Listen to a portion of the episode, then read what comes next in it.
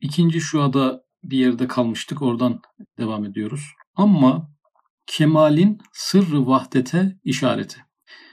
Kemal derken herhalde mükemmelliği anlayacağız. Bu fizik alemde, bizim yaşadığımız alemde e, ki varlıkların mükemmelliği bizi vahdete götürecek. Mükemmellik aslında vahdetin bir sonucu olabilir. Çünkü mükemmelliği doğuran faktörlerin hepsinin tamamının bir yerden kaynaklanması icap eder. Bir yerde kusursuzluk varsa, bir noksansızlık varsa, bir tamlık, bir kemal söz konusuysa bunun da muhtelif binlerce, milyonlarca sebebi zahiren ortadaysa bu sebepler birbirini bozmadan, e, frekansları birbirine karışmadan o mükemmelliği bozmamışlarsa e, bir orkestra şefinin adeta e, olduğu zaman ancak e, herkesin doğru yerde doğru e, çalgıyı, doğru sesi çıkarması gibi milyonlarca faktörün aynı dozajda yani uygun dozajda daha doğrusu lazım gereken ritimde e, o mükemmelliğe bir katkısı olduğundan dolayı bütün sebepleri elinde bulundurmayan veya hepsini bulundurup sadece bir sebebi elinde bulundurmayan bir durumda böylesine bir mükemmellik ortaya çıkması düşünülemez. Dolayısıyla bugünkü ders kemalin sırrı vahdete işareti. Fizik alemdeki görünen e, mükemmelliklerin şirki kabul etmediğini, şirk varsa mükemmellik olmayacağını ifade eden bir ders. İşareti ise yine Risale-i Nur'da çok parlak bürhanlarıyla beyan edilmiştir. Gayet muhtasar bir meali şudur ki, yani muhtasar bir özet ifade belki Risale-i Nur'dan e, bilemiyorum belki 5-10 tane farklı bölümün özeti olacak bir paragraf. Semavat ve arzın hilkati. Şimdi mükemmellik demiştik arkadaşlar. Öncelikle tabii bütün kainat ve evren onu bir tek bir varlık kabul ederek öncelikle e, evrenin mükemmelliği, semavat, göklerin mükemmelliği. Hani ayet-i kerimede gözünü çevir, bir bak, bir kusur görecek misin diye meydan okuyordu. Öncelikle bir evrene bakıp da inançlı inanç, inançsız yani dünyada hangi düşüncede, hangi fikirde, hangi inançta olursa olsun e, galaksileri, gezegenleri, yıldızları izlediği bir e, belgeselden sonra hemen hemen herkes aynı hakkı teslim ediyor. Evrensel bir e, kabul noktası olduğu için e, mükemmellik noktasında semavattan başladı. Semavat ve arzın hilkati.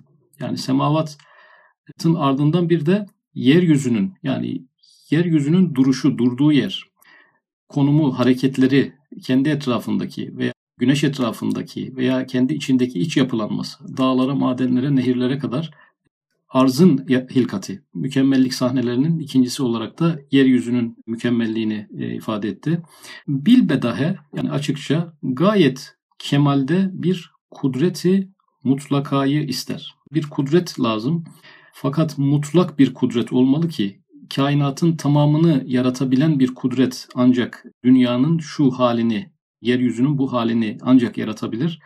Mutlak ve sınır tanımaz hiçbir acizin bulaşmadığı bir kudret olmalıdır. Gayet kemalde bir kudreti mutlaka. Yani saf bir kudret tabi mükemmelliği doğurması için kamil, kemal sıfatıyla da muttasıf olması gerekir.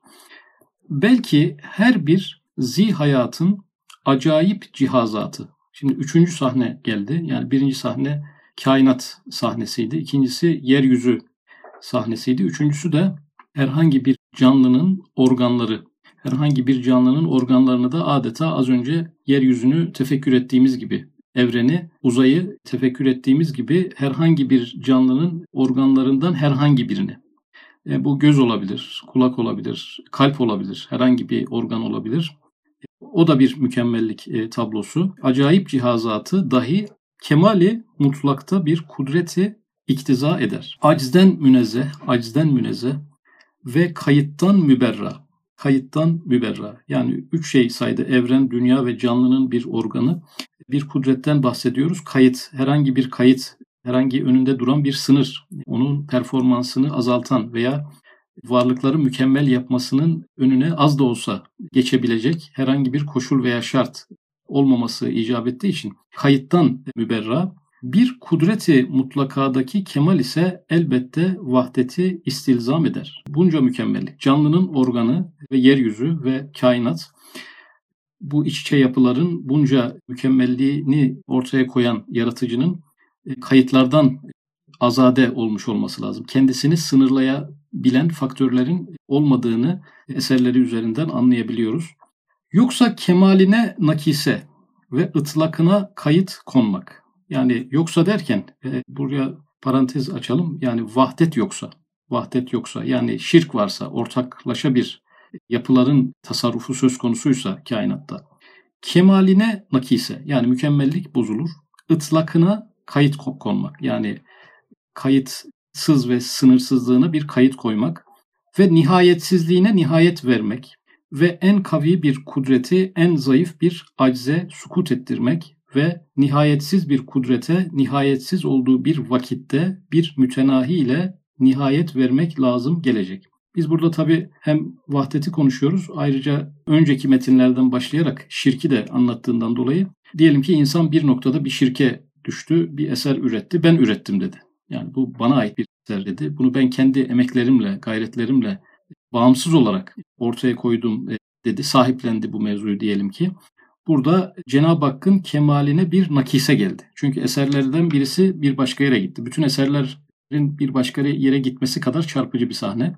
Itlakına kayıt konmak. Cenab-ı Hakk'ın kayıt altında olmayış, herhangi bir kendisine sınır ve hudut hiçbir varlığın tayin etmeyişine o insan bu eseri ben yaptım diyerek bir sınır çizmiş oldu. Yani bu sınırı kişi çizdi. Cenab-ı Hakk'ın mutlaklığı ve kayıtsızlığı nereye kadar? E, benim bu ortaya koyduğum esere kadar, buraya kadar geldi. Fakat burada ben oraya bir hudut koydum. Orada bir tabela koydum. Buraya kadar Allah'ındı, buradan sonrası benimdi. Yani bir sınır insan e, çizmiş olur bu noktada Allah muhafaza.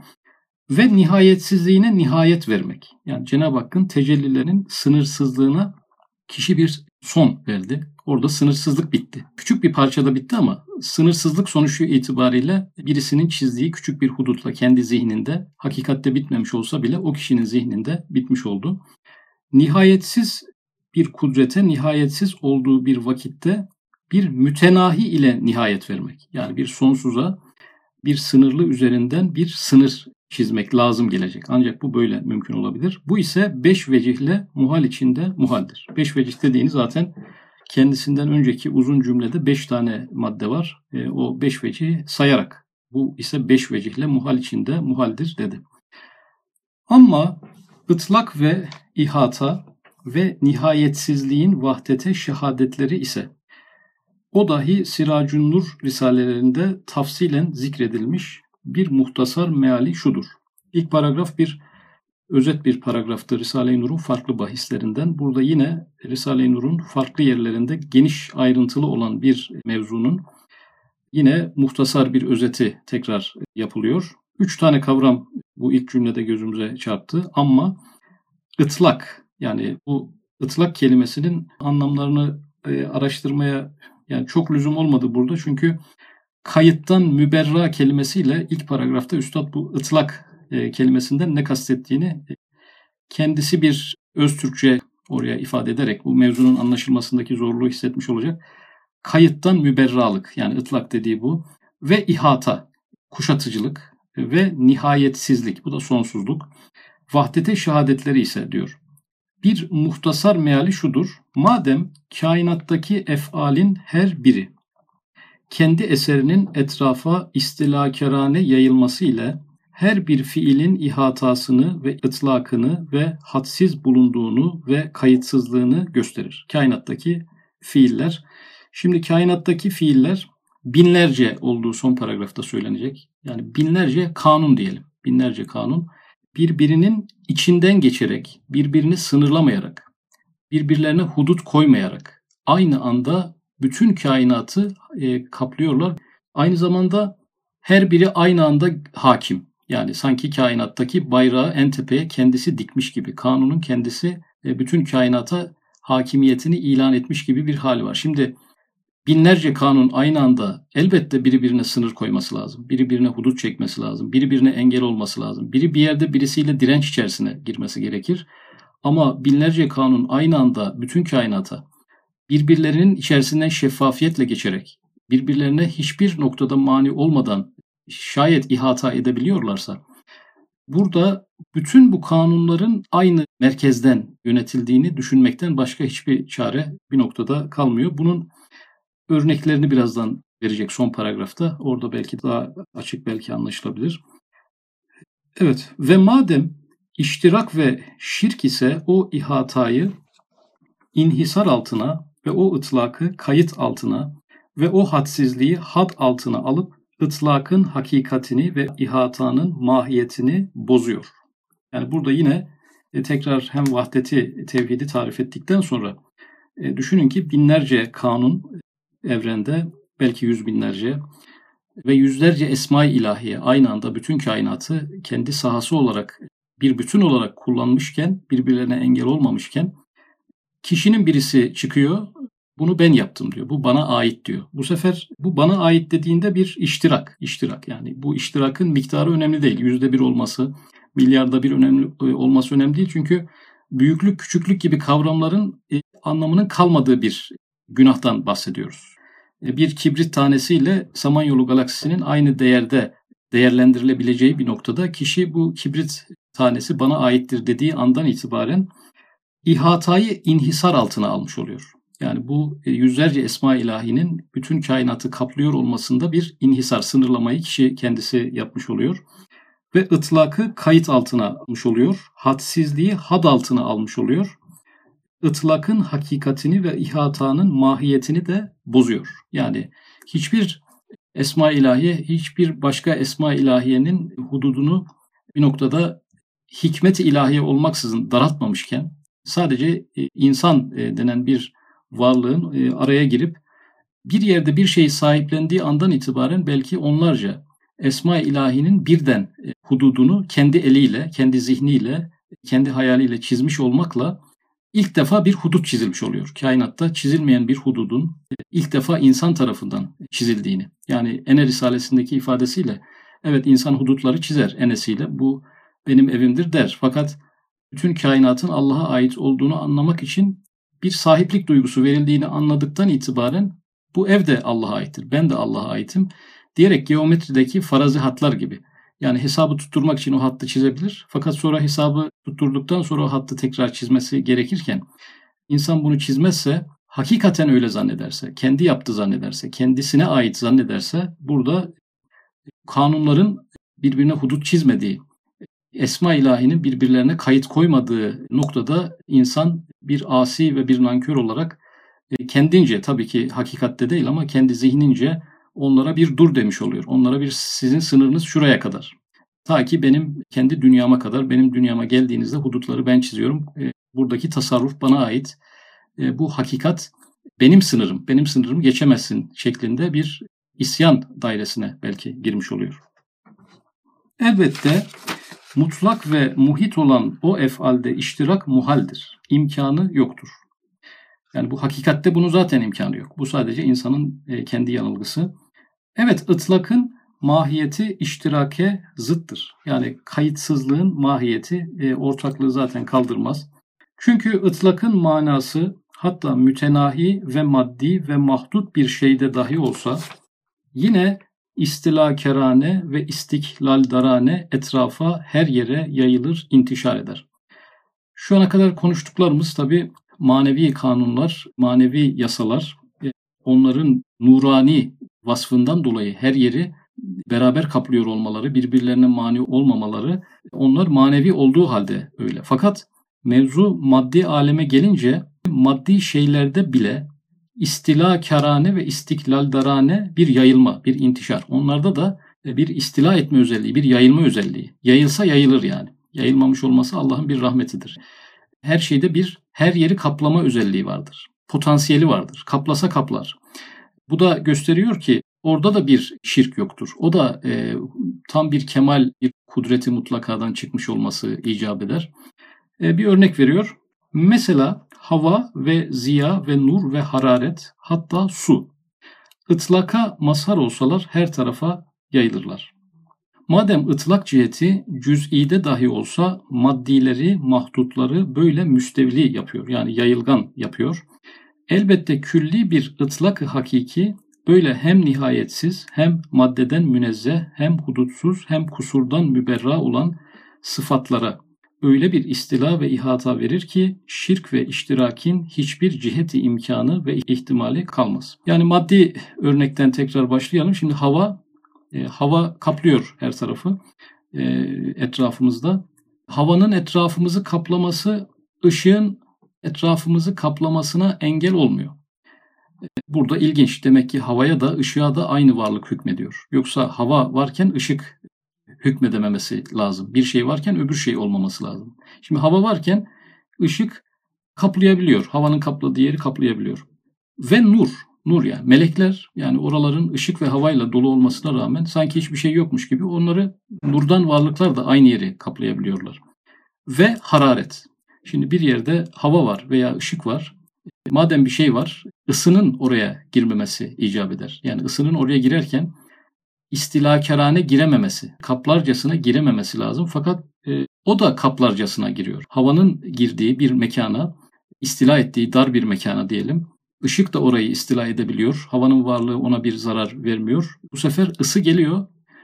Orada hem bu sefer hava hem ışık var. İki şey tarafından kaplanmış bir oda düşünelim. Isı da gelip orayı kaplayabiliyor. Halbuki hepsi aynı zerreler. Yani bir zerre ben sadece hava zerresiyim, ışık taşımam demiyor ee, veya madem hem havayı hem de ışığı bana yüklediniz, bana üçüncü bir görev olarak ısıyı yüklerseniz bir arıza çıkar, iletmem yani.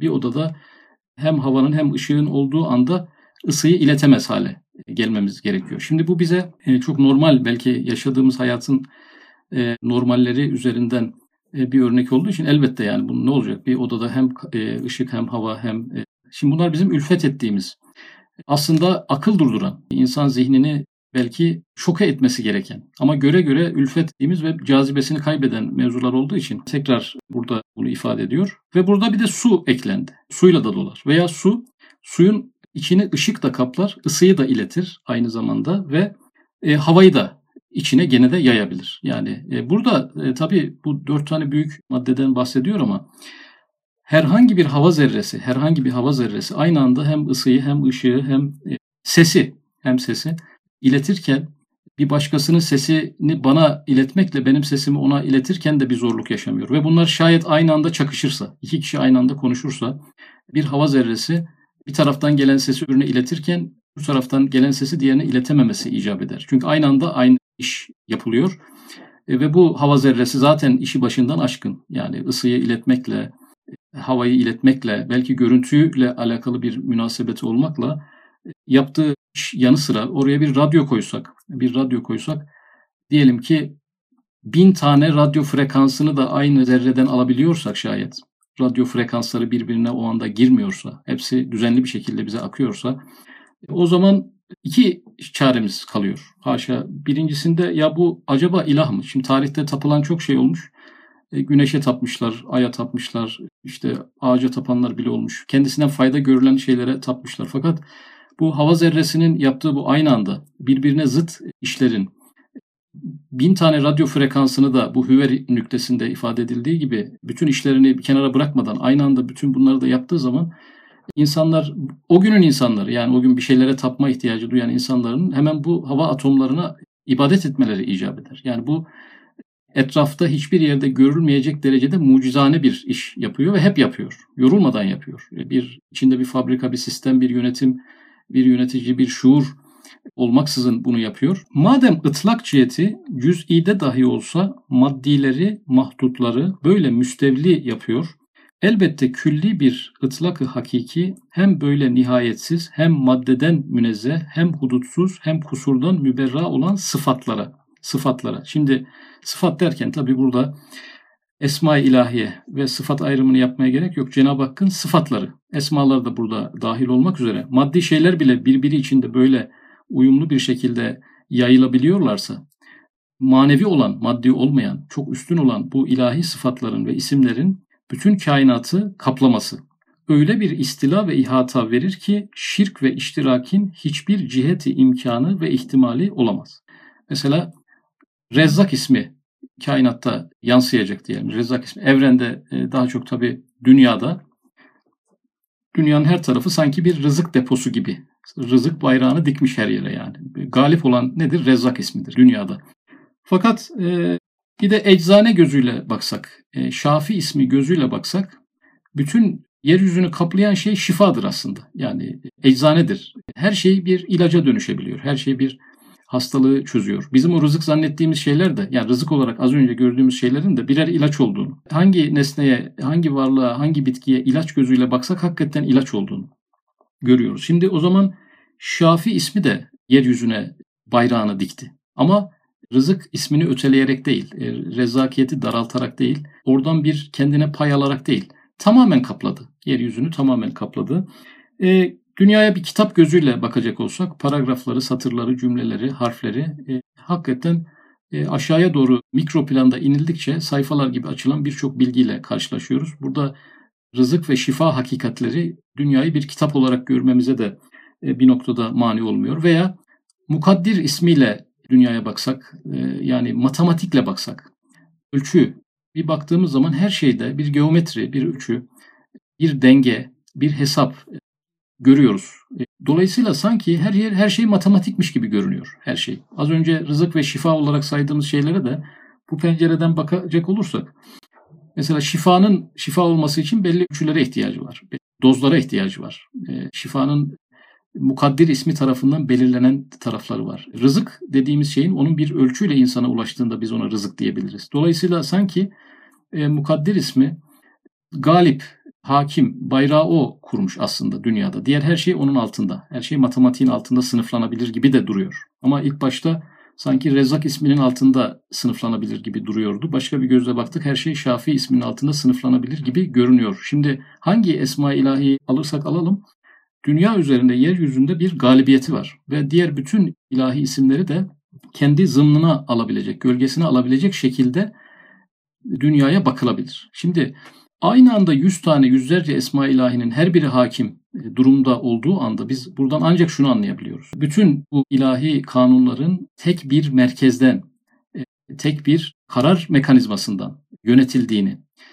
Şayet öyle olmasaydı bunlardan birisi istila yayılma özelliği olması hasebiyle diğer bütün hepsini kaplayıp onların fonksiyonlarını devre dışı bırakması e, söz konusu olacaktı. Elhasıl yani toparlama cümlesi kainatta görünen binlerle efali umumiyenin. Şimdi binlerce kanun diyerek ben ilk paragrafa başlamıştım. Bu cümleden dolayı binlerce kanun demiştim. Binlerce efali umumiye. Umumi fiiller binlerce ve cilveleri görünen yüzer esma-i ilahinin. Yani ikinci, üçüncü paragrafta da hep esma-i ilahi örneğini vermeye çalıştım. Çünkü bu bitiş cümlesinde bu da var. Yüzer esma-i ilahinin her birinin her birinin hem hakimiyeti. Şimdi yüzlerce esma ilahiye aynı anda tecelli ederken dünya sayfasında her birinin hakimiyeti ve binlerce efali umumiyenin o umumi fiillerden de herhangi birini ele alalım. Onların da herhangi birinin hakimiyeti. Ama hepsi için geçerli bir hakimiyet. Hangisini ele alırsak alalım hakim gözüyle. Hakim gibi görünüyor. Hem kibriyası hem kemali yani rızık yönüyle bakıyoruz mükemmel yani. Rızıklar mükemmel. Ama Şafi ismi penceresinden bakıyoruz. Bu sefer de şifalar mükemmel. Birbirlerinin kemalatını bozmamışlar. Yüzlerce esma ilahi tecellilerini aynı sayfaya yazmalarına rağmen birbirlerinin kemallerini, eserlerinin kemallerini bozmamışlar. Hem ihatası hem ıtlakı. Yani az önce hava zerresi nasıl hem ısıyı hem ışığı e, hem sıcaklığı geçiriyor idiyse dünya sayfası da bütün esma-i ilahinin her birinin kendisini kaplamasına izin vermiş. Her biri bütün her tarafı kaplamasına aynı anda e, mümkün olmuş. Hem ıtlakı hem nihayetsizliği, vahdetin ve tevhidin gayet kuvvetli birer bürhanlarıdır. Ben burada şöyle bir örnek de vermek istiyorum. Yani her şey her yere e, yayılma potansiyeli var fakat yayılmamış. Yedinci şuada da bu kudretin her tarafa her şeyi yayabilme potansiyelini sınırlandıran şeyin hikmeti ilahiye. Yani Cenab-ı Hakk'ın kudretini Cenab-ı Hakk'ın hikmeti sınırlandırmış. Yoksa başka bir faktör değil. O sınırlarda da bir takım hikmetler var. Yoksa yaşamdaki her şey her yeri kaplaması icap eder. Bir sinek türü bütün dünyayı kaplamış olabilirdi. Herhangi bir ağaç, bir kavak ağacı örneği bu sayfadan sonrakinde rastlamıştım. Bütün dünyayı e, kaplayabilecek potansiyeli olduğunu görüyoruz. Yani gitse gider ama hudutları çizen biri var. O çok net olarak e, açık olarak görünüyor. Şimdi bir virüs her tarafa yayılıyor şu an. İstila kelimesi çok geçtiği için bu örnek e, zannediyorum çok farklı bir örnek olmaz. Dünyanın her tarafında yayılıyor. Bizim vücudumuza zararlı insanları duruyor. Biz de bunu maddi manevi tefekkürlerini yapıyoruz. Fakat şunu söylesek ya böyle bir virüsün çıkması ve bütün dünyayı böyle zor durumda bırakması e, aslında rutin olandır. Rutin olan budur. Fakat yüzyıllarca, bin yıllarca bizim bu tür bir şeyle karşılaşmadan yaşıyor olmamızda bir anormallik vardır. Daha doğrusu bir özel bir inayet vardır. Bir ikram ilahidir bin yıllarca süren insanlığı maskesiz sokaklarda rahat dolaştıran ikram-ı ilahi özel ama yani mucize vari, keramet vari bir şekilde böyle olmuştur. Buna rutin bir pencereden, farklı bir pencereden bakmak için e, söylüyorum. Dünyada insanın bütün vücudunu alt üst edebilecek yüz binlerce virüs çeşidi olabilir. Hepsinin de yayılma potansiyeli çok yüksek olabilir. Dünya hep birbiriyle alışveriş yaptı, para gönderdi, kargo gönderdi. Elbette bunu biz belki 10 yılda bir dünya tarihi boyunca hep yaşamamız gereken bir mevzuyken Cenab-ı Hak inayetiyle hep korudu. İnsanlar yine hijyene dikkat etmemişlerdi. Yine mesafeye dikkat etmemişlerdi. Yine insan sağlığına zarar verebilecek ve yayılabilecek şeylerde lakayt davranmışlardı. Elden ele her şey geçmişti. Bir bozuk para bile bazen 100 bin insana dolaşıyor. Bugüne kadar böyle bir şeyi bize ulaştırmayan Cenab-ı Hakk'ın inayetini, koruyuculuğunu, insana olan merhametini, bin yıllarca süren ikramını görmeyip onu bir rutin hakkımız zannedip yani o bizim sanki çalışarak elde ettiğimiz özel bir çabamızın karşılığı zannettiğimiz, ilahi boyutla ilişkilendirmediğimiz, bir nimet olarak bile görmediğimiz, şükretme sırasına bile almayacağımız bir rahatlık nimetini, bu rahat nefes alma nimetini bugün belki rutin olan yani e, müstehakımız olan, hakkımız olan ee, bir şeyle karşılaşınca insan bunu sürpriz olarak görüyor. Burada sürpriz bir şey var zannediyor. Şimdi kimyasal tepkimelerde iki tane faydalı gıda yan yana gelip bir tepkimeye girdiği zaman insanı zehirleyecek şeye girebilir iki tane farklı şey. Dünyada yüz binlerce gıdayı biz yan yana aynı mideye dolduruyoruz. Bunlar arasında şunla bunu yan yana yemeyin. Laboratuvar çalışmaları, tahlilleri şunlar bütün şeylerle yapsalar, bütün gıdaları bütün diğer gıdalarla yapsalar milyonlarca yıl sürer yani bunların sonuçlarının yayınlanması. Fakat biz yani ben zeytinle karpuz insana zarar verir mi diye pek düşünmem, yerim yani. Veya çekirdek yedikten sonra karşıma kurabiye gelirse düşünmem yani. O herhalde midede yan yana gelip de insanı zehirleyecek bir şey yapmaz diye düşünürüm yani. Ne olursa olsun ikisini arka arkaya çay içtikten sonra üzüm yemekte bir mahsur görmem. Fakat buradaki ilahi ikramı da çok nadir görülebilecek bir ikramdı. Yoğurtla balık mevzu aklıma başka bir örnek gelmediği için söylüyorum da belki bayat olmalarından kaynaklı bir şey ama oksijende bir yanıcı bir yakıcı madde var geliyor su oluyor ayrı bir şey oluyor. Çok faydalı besinlerin herhangi iki tanesi yan yana gelip zararlı insan öldürücü etkiye de sahip olabilir. Fakat olmuyor yani. Dolayısıyla insan bunu hiç göremiyor. Ama bugün bir bilimsel bir açıklama çıksa deseler ki e, çayla üzüm insanı zehirliyormuş. Bütün gözler oraya odaklansa İnsanlar bu manzaraya bakacaklardır. Hep onu inceleyeceklerdir. Hiçbir zaman bin yıllardır üzerlerindeki tecelli eden kerameti görmeyeceklerdir. Dolayısıyla bu istila, bu her şeyin her yeri kaplama potansiyeli vardır. Cenab-ı Hak onları belli sınırlarda e, hakim ismiyle tutmaktadır. Tutmadığı bir tanesini bile azıcık serbest bırakınca hayatımız bu kadar karıştığından anlaşılıyor ki her şeyin belli bir hududu. Hani iki deniz birbirine karışmıyor. Aralarında bir engel vardır diyor Rahman suresi. Üstad Hazretleri bunun sadece iki denizle ilgili olmadığını söylüyor. Bunun birçok alemle, alemi şehadet, alemi gayb arasında bir perde olduğunu, bunu e, biraz geniş ele alıyor yani. Aslında insanın bütün hayatını e, mahvedebilecek derecede istila etmeyi bekleyen e, dünyada yüz binlerce faktör vardır. Fakat bunların her birinin zimamını ancak ve ancak tek bir yaratıcı vahdetiyle tevhid hakikati üzerinden her şey bir yere bağlı olduğu için biz rahat nefes alabiliyoruz, yaşamda kalabiliyoruz. Bence insanların bu sürpriz şeyleri değil de bu spekülatif şeyleri değil de aslında hak etmediğimiz halde üzerimizdeki kerametvari, mucizevari nimetleri istila etmesi mümkünken istila etmeyen bu kanunların tefekkürünü yapmakta biraz daha e, fukara olduklarını düşünüyorum. Kendim de dahil olmak üzere. Bu dersten biraz da öyle bir çağrışım yaptı.